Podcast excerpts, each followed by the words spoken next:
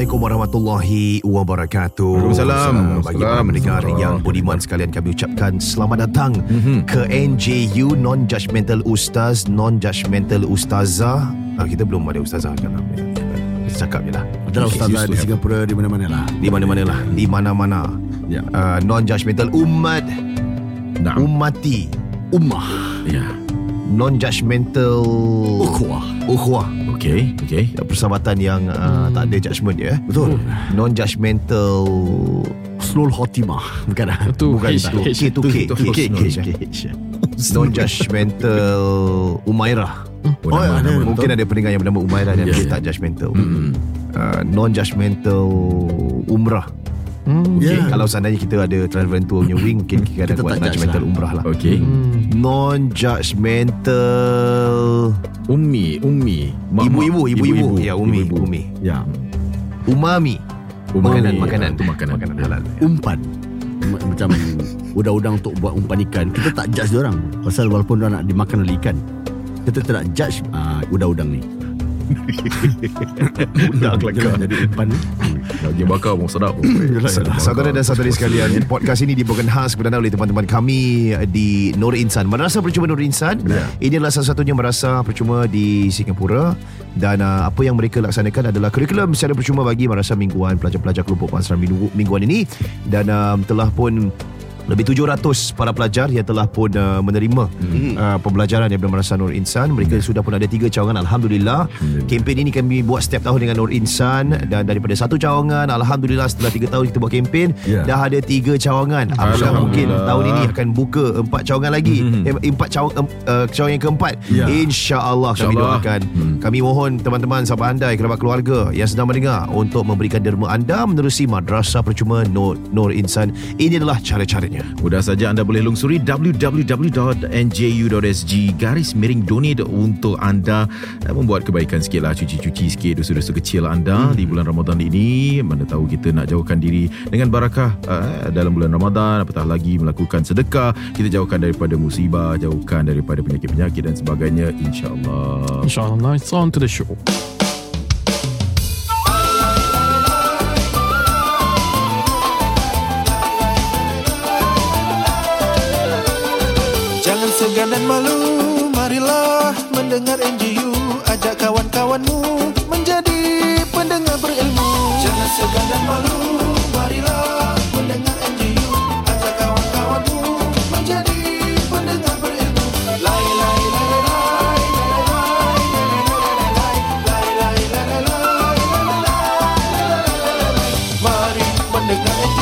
Selamat kembali dalam rancangan uh, NJU dalam ucapan Ramadan. Yes. Kita pasal santai dululah Ah. untuk Ramadan yang pertama ini dalam uh, bulan uh, pada, tahun ini Ah. kita mengajak anda untuk memberikan ucapan-ucapan mungkin saya mulakan dulu dengan ucapan uh, ahlan wa sahlan Ramadan selamat berpuasa kepada seluruh umat Islam di Singapura dan khusus juga kepada pendengar-pendengar NJU Aha. semoga kali ini Ramadan yang lebih baik daripada tahun-tahun yang sudah Saya nak berikan ucapan kepada isteri anak anak-anak isteri saya lah Fuh. eh, yang sedang mendengar. Wah. Ah, anak-anak dan isteri saya eh. Saya tak cakap saya tak cakap anak dan isteri-isteri saya tau. Satu, satu isteri lah. Yalah satu je lah. Ah, ya, ya lah. Anak ke- perlu berlaku adil. Oh, Ha? oh. Satu tak berlaku adil nak dua lebih. ya ya ya Ah, Kadang je. Nak tahu adil Kena ada dua isteri Baru kita boleh tahu kita adil ke tak Kalau satu, satu isteri Macam kita nak tahu kita adil Astagfirullahalazim. apa punya mindset ni Oh, oh. ya, ya. Ah, masing-masing lah. ya Masing-masing Masing-masing paling selamat ya, Masing-masing ya. paling selamat Kita Ya, ya. doakan yang terbaik aja lah. Semoga dipermudahkan lah. Ya. Dia kasih gaduh Dia kasih Dia kasih gaduh Ya. Kita doakan yang terbaik je Ah, kenapa selalu editorial macam tu eh? Ah. Media hiburan Malaysia ke apa? Hmm. Ah, Like. Putri Sarah Liana dengan uh, Soul Hmm. apa ada viral orang viral kan. Lepas tu caption kita doakan yang baik-baik. Oh, kau dah kasih viral? kau doakan yang baik-baik. Yalah. Yang tak tahu kau punya kau punya taktik macam ni Roti kaya semua Saya call you out Saya call you all out oh, baik, baik, Saya nak ucapkan Ramadan Karim Oh. Ramadan Karim kepada mereka dan um, Ramadan Karim kepada pendengar-pendengar NGU Ya. yang telah pun bersama-sama dengan kami. Kita harapkan Ramadan tahun ini lebih baik daripada tahun-tahun yang sebelumnya. Amin. InsyaAllah semoga bulan Ramadan ini dipenuhi dengan amal ibadah, semoga dipenuhi dengan berkat, uh, semoga dipenuhi dengan pahala berlipat ganda dalam anda melaksanakan ibadah insya-Allah. InsyaAllah. InsyaAllah amin, amin. Dan uh, saya uh, ingin uh, ucapkan um, Ramadan Karim hmm. uh, Ramadan Al-Mubarak hmm. ya, Kepada semua umat Islam Allah Di apa? mana sahaja Ikram. Allah ikram. Allah Akram. Akram Allah, Allah Akram. akram. Allah ikram lah. Akram, Itu Akram. Ikram Ak- Dinzli Akram eh? Allah akram. Macam itu, akbar. Itu Ikram Dinzli Pelakon Aku dengar. Oh, aku tahu kau ada dengar. punchline. Aku Oh, dengar punchline. okey. Dah dua kali dah tahu kan. Dua kali dah tahu. Ya dan juga kepada semua yang terdekat lah Seperti terutama sekali ibu saya Ya. Allah. Alhamdulillah Eh maaf maaf saya lupa nak beri ucapan kepada ibu saya. Ah, apa khabar ibu? Apa khabar ayah? Alhamdullah. Father Ismail, Ya, Ismail. Rembo. Oh.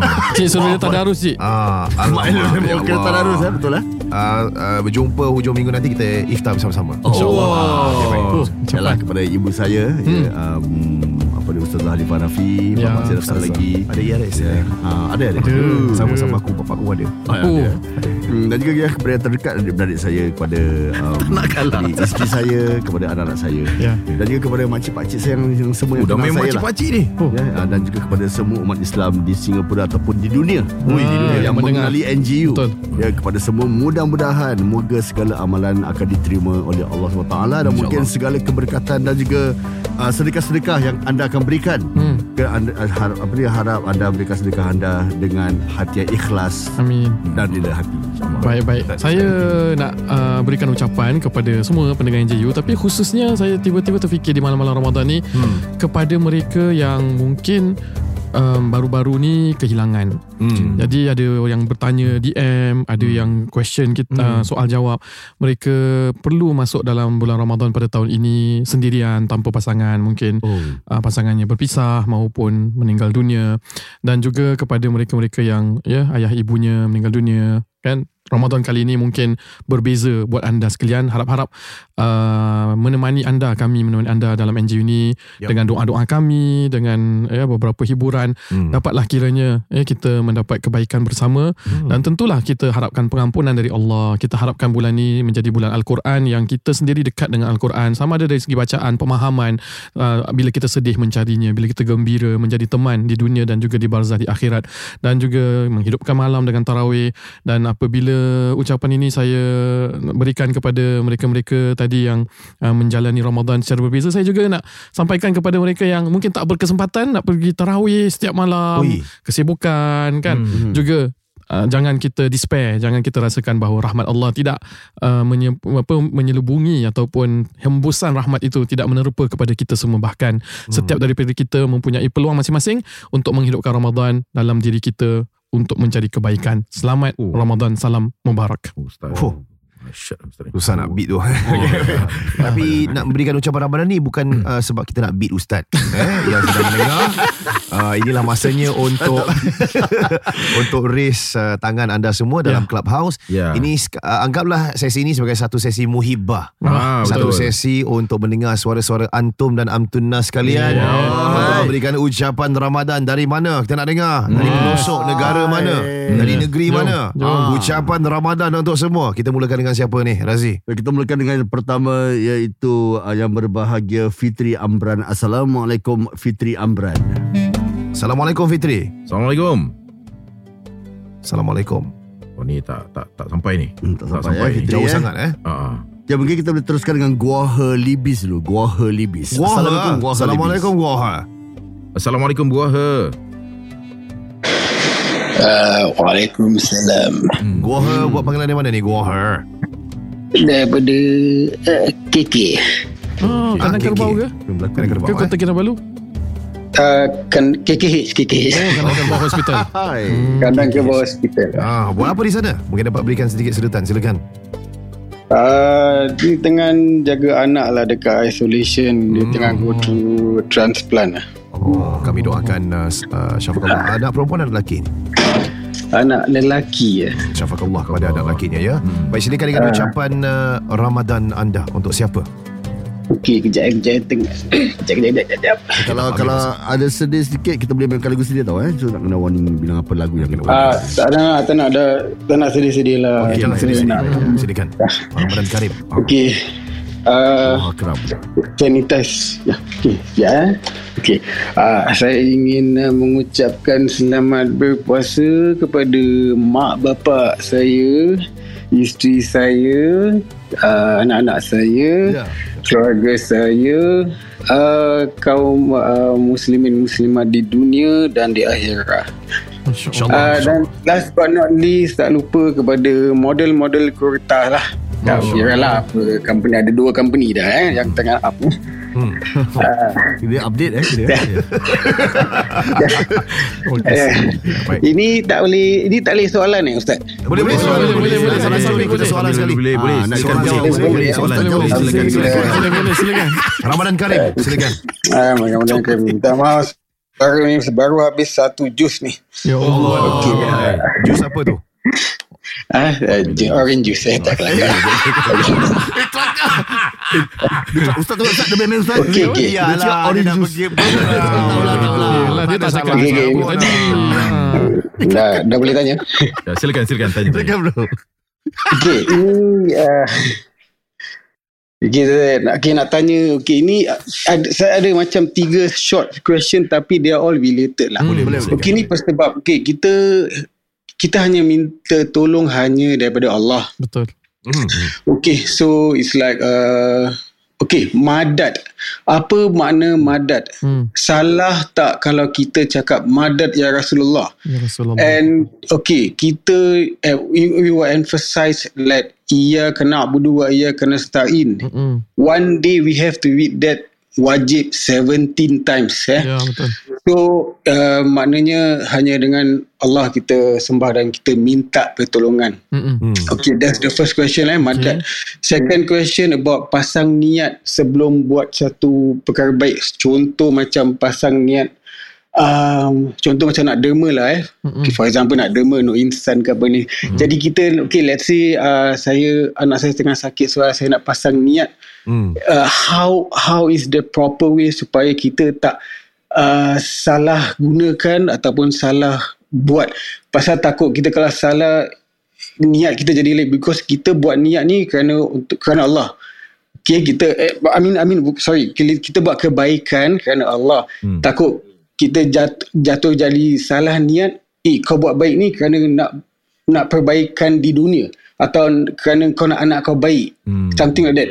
Is it is it wrong or is it right? Or kalau betul apa cara yang betul. Baik. okay. Uh, ketiga. itu adalah pasang niat. Dan Hmm. ketiga is actually uh, this pasal keramat.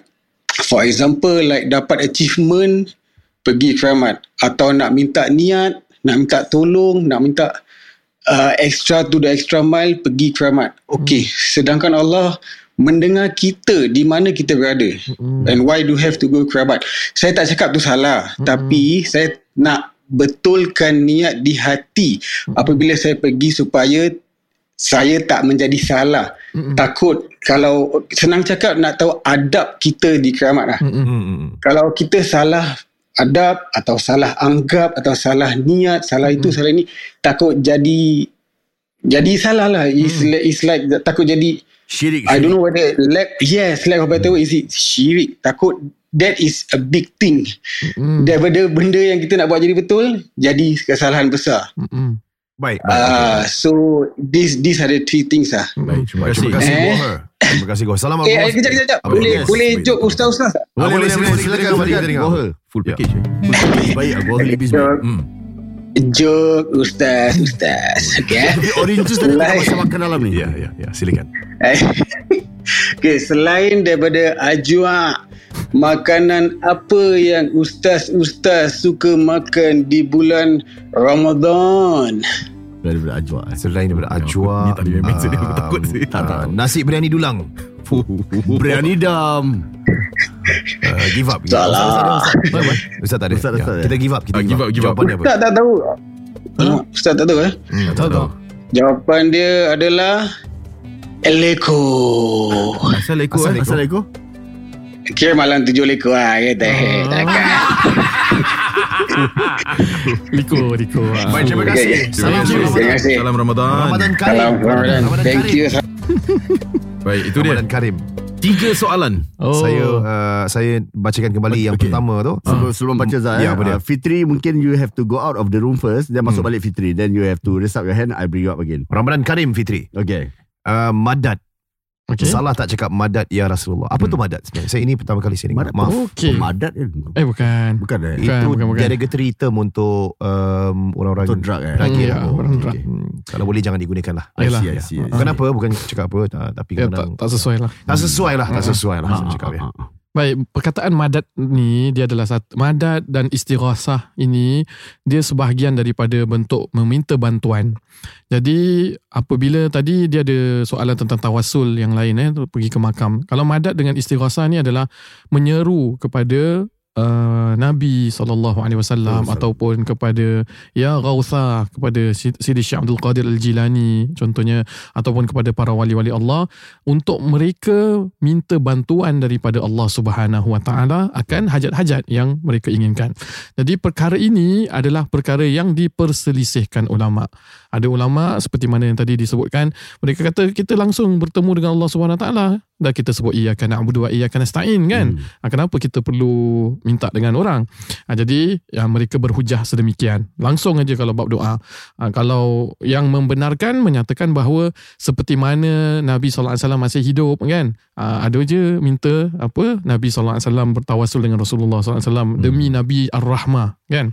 Dan seperti mana kalau kita minta bantuan daripada seorang doktor, kita minta bantuan daripada teman kita dengan hajat-hajat diri kita, itu bukan bermakna kita menafikan bahawa Allah yang memberikan, tapi mereka adalah satu perantara yang mana kita minta mereka untuk memohon daripada Allah dan mereka berpandangan bahawa Nabi SAW dan para wali Allah ini masih lagi hidup untuk mereka pohonkan agar mereka berdoa kepada Allah dan ini juga terkait dengan soalan dia yang ketiga iaitu ke makam. Adab bila mana kita pergi makam Imam Nawawi sebutkan ke ziarah para kuburan awliya dan solihin Hmm.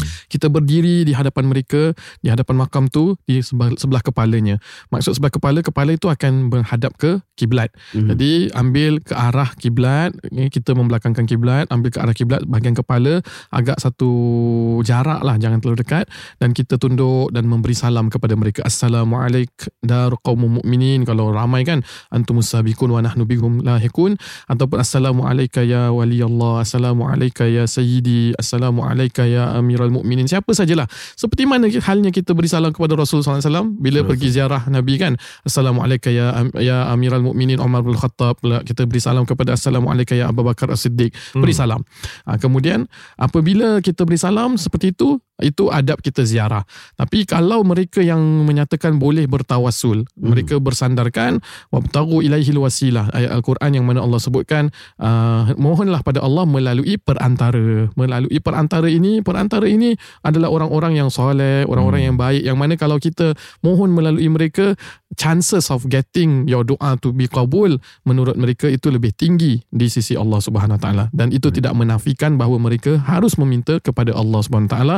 Cuma dengan keberkatan wali Allah ini ya Allah kabulkanlah hajat aku. Ha, itu cara yang terbaik. Ha, Yes, jangan ha, baik. jangan wahai fulan-fulan ha, jadikanlah aku gini-gini. Itu jangan ya. Mhm. demi keberkatan demi keagungan hamba-Mu ini ya Allah demi kemuliaan hamba-Mu ini ya Allah maka kau bantulah aku kan. Ha, jadi Allah SWT memandang diri kita dan memandang bahawa kita ni sayang dan rapat dengan orang soleh ni Allah SWT akan kabulkan itu bagi mereka yang membenarkan bagi mereka yang tidak membenarkan mereka mempunyai alasan supaya jauh daripada meminta daripada selain daripada Allah kerana see. there's a thin line eh between that ada pun soalan yang kedua je tadi Soalan kedua, pasang niat sebelum buat perkara baik. Ah. Macam mana nak pasang niat untuk uh, sedekah sebab anak sakit. Dia nak, betul contohnya nak pasang niat, dia Mm-mm. nak buat sedekah. Mm-mm. Tapi dia tak nak lah macam pahala sedekah tu Mm-mm.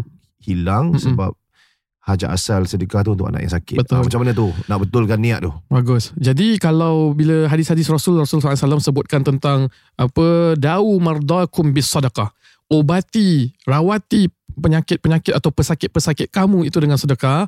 Maknanya dengan keberkatan sedekah dengan kita melakukan sedekah itu Allah Subhanahu Wa Taala akan menyembuhkan. Tapi sekarang macam mana ni? Aku nak cakap ya Allah sembuhkan aku ataupun dan sebagainya. Ha, jadi itu yang kita kata niat kita bersedekah walaupun nak bantu orang tersebut. Kalau dengan Nur Insan nak bantu institusi Nur Insan. Tapi tak ada masalah kalau kita pelbagaikan niat kita. Ya aku memang nak bantu mereka tapi dalam masa yang sama aku berharap kebaikan yang Allah beri melalui bantuan aku ini berupa penyembuhan kepada anakku, kepada diriku. Ha, macam itu maksud kita niat. Maksudnya we are conscious of what we are doing. Itu maksudnya kita pasang niat. Ha, bukan sahaja aku derma ini kerana nak dapatkan kesembuhan. Tak semestinya kita kena lafaz. Tapi when you are conscious you, that you are that you are apa sedekah, you, you nak sedekah tu nak bantu dan nak juga berupa kebaikan lah, uh, kesihatan dan kesembuhan lah. Dengan aku bersedekah, keberkatan aku sedekah, itu secara tak langsung kamu sudah niat untuk bersedekah dan itu tidak ada masalah tentang keikhlasan. Ada orang nak beramal pun Allah janjikan syurga. Tak payah cakap pasal penawar, tak payah cakap pasal uh, jauh daripada balak bencana. Hmm. Kamu solat dapat pahala, dapat syurga tak? Dapat juga. Jadi itu pun ikhlas juga. Padahal kamu sebagai hamba nak solat kerana, Kerana tu Allah. eh, kerana Allah memang kamu kena ikut perintah Allah dan juga itu tanggungjawab kamu sebagai hamba kamu dijadikan untuk mengabdikan menyembah Allah. Hmm. Tapi di situ ada balasan syurga ada dan kamu nak masuk syurga ada. Kamu takutkan neraka ada. Jadi ada kepelbagaian dalam perlakuan kita pengibadahan tidak menjang tidak apa tidak menafikan keikhlasan kita untuk melakukan sesuatu ibadah kerana Allah. Hmm, baik yang uh, ketiga ni keramat. Ah itu tadi karamat tu dah termasuk dengan uh, Oh, sudah. tawasul yang Sudah tadi kita ya. sebutkan bab wasilah tawasul dan adab-adab menziarahi. Kita teruskan dengan uh, soalan uh, satu lagi Hmm. sebelum kita berehat seketika Ya. uh, dengan uh, teman-teman penaja pada hari ini. Dan Kita ada soalan. Uh, kita lihat uh, tak ramai orang yang ingin uh, mengucapkan uh, selamat Ramadan kepada yang lain. Ucapan ada ucapan. Ucapan, tak Ucapan ada lah. eh, tak ada orang kat tangan. Sebab Oh. kau tak letak letak Hmm? kat Insta story lah. Oh, sorry eh. Okay. Hmm, uh, okay. mungkin selepas Mungkin soalan mereka ni tak lah. tahu, mereka tak tahu Ya. di curhat. Lepas Uh, soalan ni lah. Ya, selalu mereka ingat curhat. Eh. ya. Baik, uh, ni ada soalan daripada Baik. Fahmi Saad. Fahmi Saad ni soalan eh. Boleh eh. Silakan Din. Assalamualaikum to Four Pillars. Isteri saya nak bertanya sekiranya dia berpuasa. Tengah puasa-puasa tiba-tiba datang haid tengah-tengah berpuasa tu. Macam mana? Dia nak kena batalkan puasa ataupun teruskan puasanya? Salam Ramadan semua untuk umat Islam seluruh dunia dari Fahmi Saad. Tahu saya batal lah. Ya. Ha. Jadi jawapannya Hmm. bila seseorang itu walaupun lagi 2 3 minit nak masuk waktu maghrib. Alamak. Ah, berbuka. lagi 5 minit nak berbuka. Hmm. Hmm. Kemudian dia mendapati bahawa dirinya didatangi haid Hmm. dan itu menafikan sahnya puasa seseorang tersebut maka dia boleh pilih nak makan ke tak makan ke tapi tetap tidak valid lah invalid eh puasanya itu invalid dan perlu diqada pada hari-hari lain Hmm. jadi tak payah kalau istilah nak batalkan ke tak yang dia tanya tu nak batalkan apa nak kena minum air ke atau tak minum air you minum ke you tak minum ke itu pilihan you tetapi puasanya batal Oh, jadi alang-alang dah batal tu minum je lah. Ah, Ini pilihan dia lah. itu pilihan dia Ah, Ah, ah. Jadi tak mestinya oh kena kena kita minum tak oh tak mesti Hmm. Ah, tapi alang-alang kan ah, Hmm. okey lah jangan Tunggu depan orang aja lah Ah, yalah. yalah. Hmm, hmm, hmm. Okey. Uh, saya nak tanya satu soalan Ustaz. Uh, Soalan yang berbentuk lebih kepada masyarakat lah. Mm. Uh, masjid mana ada berani dulang?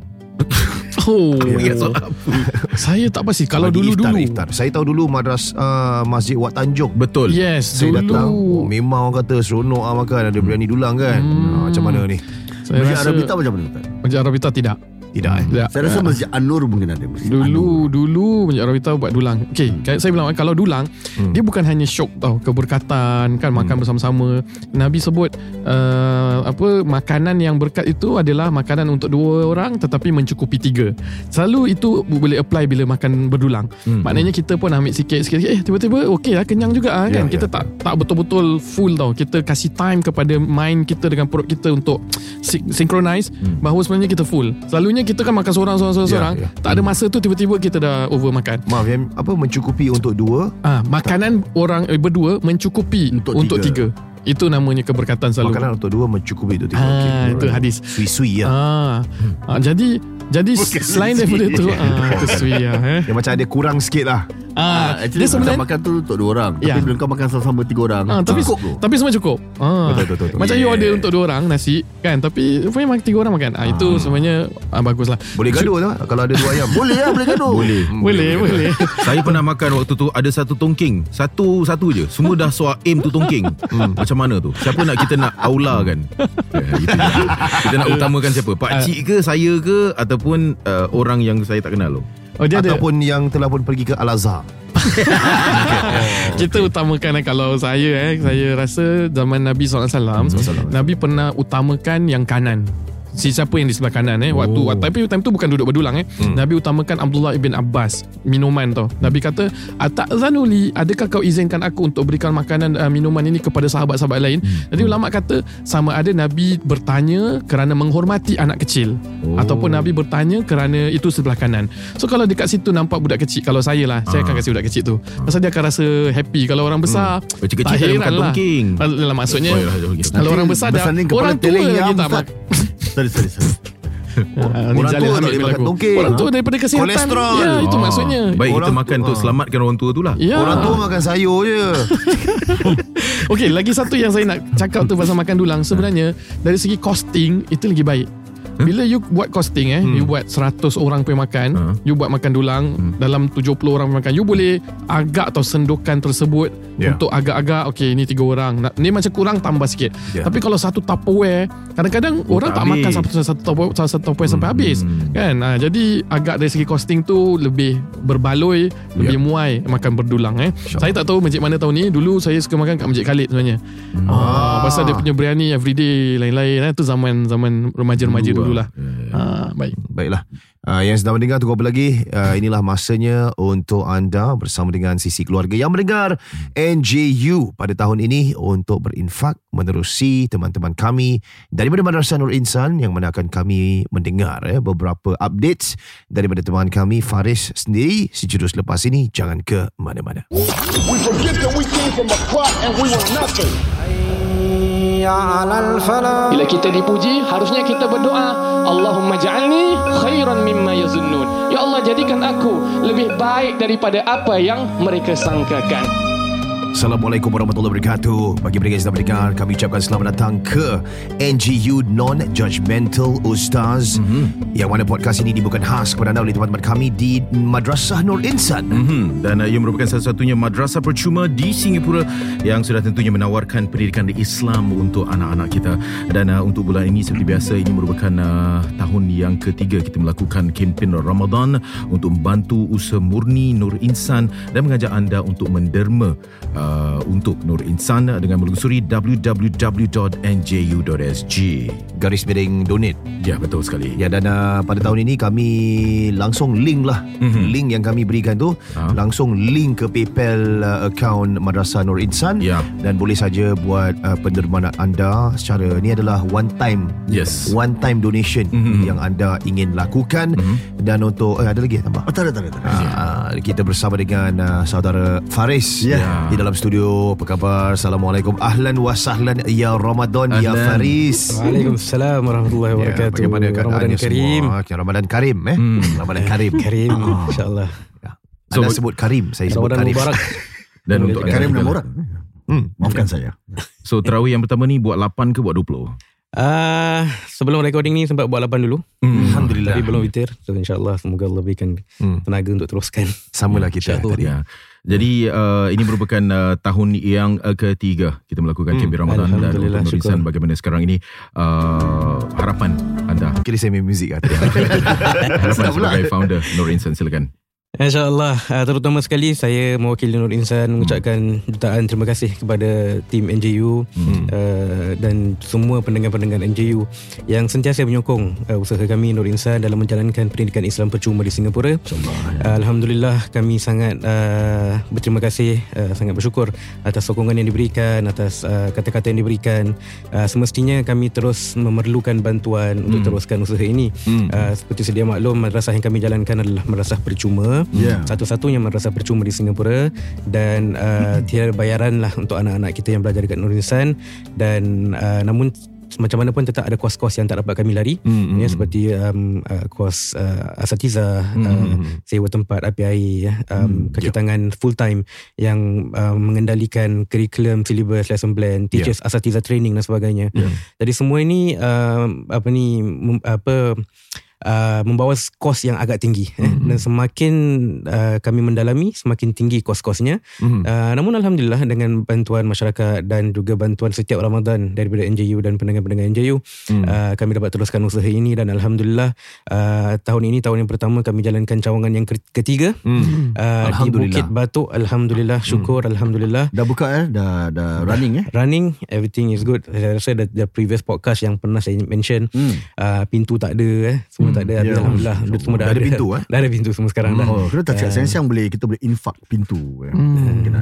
Ahmad Albab eh. Oh, oh, Ahmad pintu. Betul. Teruskan, teruskan Faris. Kita bergurau ya. Ya alhamdulillah alhamdulillah syukur. Ha, so alhamdulillah apa dengan adanya tempat baru kita dapat uh, reach out untuk uh, penduduk-penduduk di kawasan barat Singapura. Hmm. Ya. Eh dan uh, cawangan ini terletak di Bukit Batok jadi alhamdulillah kita punya students uh, daripada Bukit Batok daripada Bukit Panjang Hmm. eh, daripada Kang dan sebagainya semua datang ke sana alhamdulillah. Fantastic. Um, tapi of course kita tetap ada limit eh dan di Singapura ini kita masih uh, dalam keadaan di mana uh, peratus yang anak-anak Melayu Islam tidak berdaftar di madrasah masih tinggi.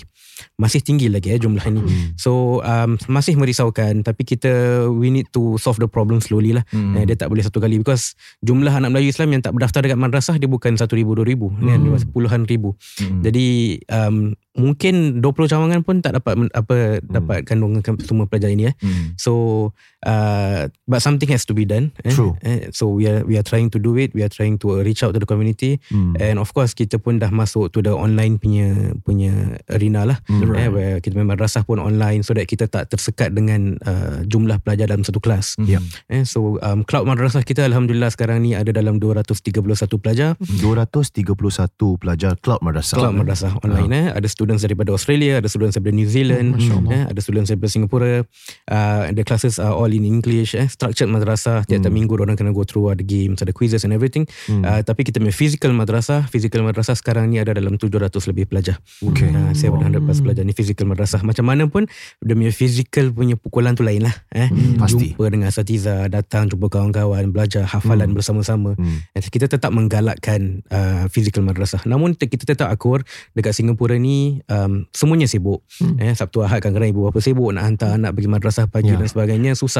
So kita sediakan ruangan cloud madrasah ini untuk anak-anak ini dan ibu bapa dapat plan weekend orang lebih baik because Hmm. dia tak ada macam live every Saturday 8 am nak kena tengok tidak. Ya. Just have to log in on weekends um, Saturday night ke Sunday morning ke up to you and then complete the whole lessons and then Hmm. consider you have attended the madrasah. Hmm. Sekurang-kurangnya anak-anak ini dapat mempelajari sesuatu, Hmm. dapat uh, harapan kita, harapan kita di di Madrasah Nur Insan adalah supaya anak-anak ini dapat uh, beramal dengan baik, eh, dapat ilmu untuk beramal, dapat membezakan yang halal dengan yang haram, Hmm. dapat uh, buat keputusan yang lebih baik bila mereka membesar nanti. Hmm, kita lihat uh, kalau menerusi gabungan uh, para pelajar daripada kelab madrasah dan juga madrasah Fizikal. mingguan tu fizikal uh, lebih daripada seribu pelajar yang telah pun Hmm. memanfaatkan uh, derma saudara dan saudari sekalian yang sedang mendengar uh, kami pun dah jalankan kempen bersama dengan mereka bukan sekali dua tapi Hmm. bertahun lamanya Mhm. dan uh, dalam masa yang sama apa yang dapat dibanggakan anda sendiri mendengar dan melihat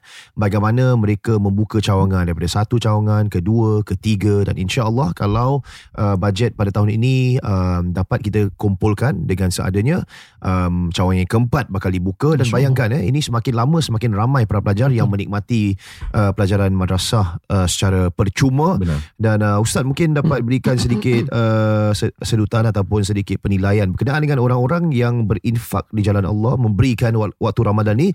Dan kemudiannya um, orang kata tu lebih ramai para pelajar yang dapat Oh. um, yang dapat menikmati uh, pelajaran madrasah ataupun pelajaran agama secara percuma. Apa pahala di sebalik Masya kita Allah, lakukan hal Allah. ni Ini satu keberkatan eh. Kenapa Hmm. kita cakap keberkatan? Pasal dia berkembangnya satu kebaikan. Kebaikan madrasah percuma dah satu. Tadi saya dengar Akh Faris tadi sebut kan, kita dapat belajar pasal hukum. Setiap minggu awak bayangkan anak-anak kita bukan di rumah saja dapat pendidikan daripada ibu bapa, tapi mereka dengar daripada guru-guru. Mereka dengar daripada apa peribadi-peribadi lain menyatakan tentang hukum-hukum Allah, tentang mengenalkan kepada Rasul SAW tentang akhlak. Dan ini akan memperkayakan uh, anak-anak kita tentang pelajaran agama. Dan satu satu perkara yang sangat saya banggakan adalah mereka melakukannya dengan kesungguhan hmm. kan dia ada iCloud dia dia ada macam-macam dia bukan ah, ni merasa percuma ah, kita buat okey-okey lah tak hmm. mereka buat dengan kesungguhan hmm. ini satu benda yang wajar diberi sokongan dan ganjaran bagi mereka yang menyokong ini tentunya orang yang mencintai ilmu dan orang yang memberikan sedekah apatah lagi dalam bulan Ramadan diperlipat gandakan sehingga kan kalau anak-anak yang mereka hantar eh secara percuma dapat pendidikan agama dan mengamalkan agama mereka. Mereka semua akan jadi saksi-saksi di akhirat. Hmm. mereka dan amalan-amalan mereka daripada solat puasa di situ ada bahagian kita. Bukan hanya bahagian guru yang mengajar tapi bahagian orang yang menyokong pembelajaran tersebut mendapat pahala-pahala juga. Hmm. jadi kalau pada bulan Ramadan ini Nabi SAW disifatkan ajwadun nas sangat pemurah. Wa kana ajwadu ma yakun fi Ramadan. Tetapi pada bulan Ramadan macam ni hmm. Rasulullah SAW punya pemurah punya nak membantu punya sangat santun dan mulia diperlipat gandakan Rasul sendiri. Kalau bulan Ramadan uh, lebih daripada biasa. Hmm. Jadi saya menyeru dan mengajak anda-anda sekalian dengan usaha yang kita lihat bertahun ini perkembangannya, keberkatannya dan moga-moga kalau kita ada kesempatan di awal-awal Ramadan ni kita uh, laksanakan uh, derma kita melalui uh, platform-platform yang telah kita sebutkan tadi insyaAllah. Hmm, yang sedang mendengar tunggu apa lagi inilah masanya untuk melakukan ataupun memulakan perjalanan Ramadan anda dengan menderma uh, saat bila-bila eh. Ada kalanya kalau saya lah hmm. saya suka kalau nak berderma tu uh, selepas uh, orang kata tu sahur oh. saya akan baca al-Quran sampailah Allah. ke uh, solat subuh. Masya-Allah. Selepas subuh dalam keadaan ketenangan saya buka uh, PayPal yes. dan saya tahun ni PayPal lah Hmm. kan. Ya, ya. Dan kita menderma saat tu saat tenang kita doa kita niat yang terbaik. Dan dalam saat kita sedang berpuasa tu kita memberikan derma Eh, betul. Alhamdulillah. Eh, betul. Itu pasal awak tengah tengah berpuasa, hmm, menderma di awal hari, di pagi hari lagi. Dan dalam masa yang sama you punya mentality kan you start off a fresh day by doing something positive and good. Hmm, hmm. Ah tu fantastic lah pagi saya hari. pun tengah kumpul-kumpul uh, saya adalah uh, bisnes lain kan. Lepas tu kalau setiap kali saya buat kesalahan dalam bisnes tu saya kena denda. Masya-Allah. denda saya 100 dolar. Ah. uh saya dah kumpul 4 4000 dolar. Ah, ini boleh derma ni? Ah, saya derma lah. Apa lah belum habis bulan. Kasih maki dulu Oh, banyak-banyak lagi. maafkan saya. Astaghfirullahalazim Ada lagi? semoga Tuhan memaafkan saya Ustaz. Amin amin amin amin. ya bagaimana Baik, uh, ayo sama-sama kita jadi juga, eh? uh, penderma mana ataupun uh, pemurah seperti mana Rasulullah SAW sifatnya luar biasa. Kita ikutlah cara beliau dan uh, ayo sama-sama kita tekan www.nju.sg bila masuk dekat uh, website itu kita ada nampak donate dekat situ. Tekan saja donate dan uh, mendermalah untuk menyokong usaha uh, Nur Insan satu-satunya madrasah percuma di Singapura. Sekali lagi www.nju.sg. Garis miring donate.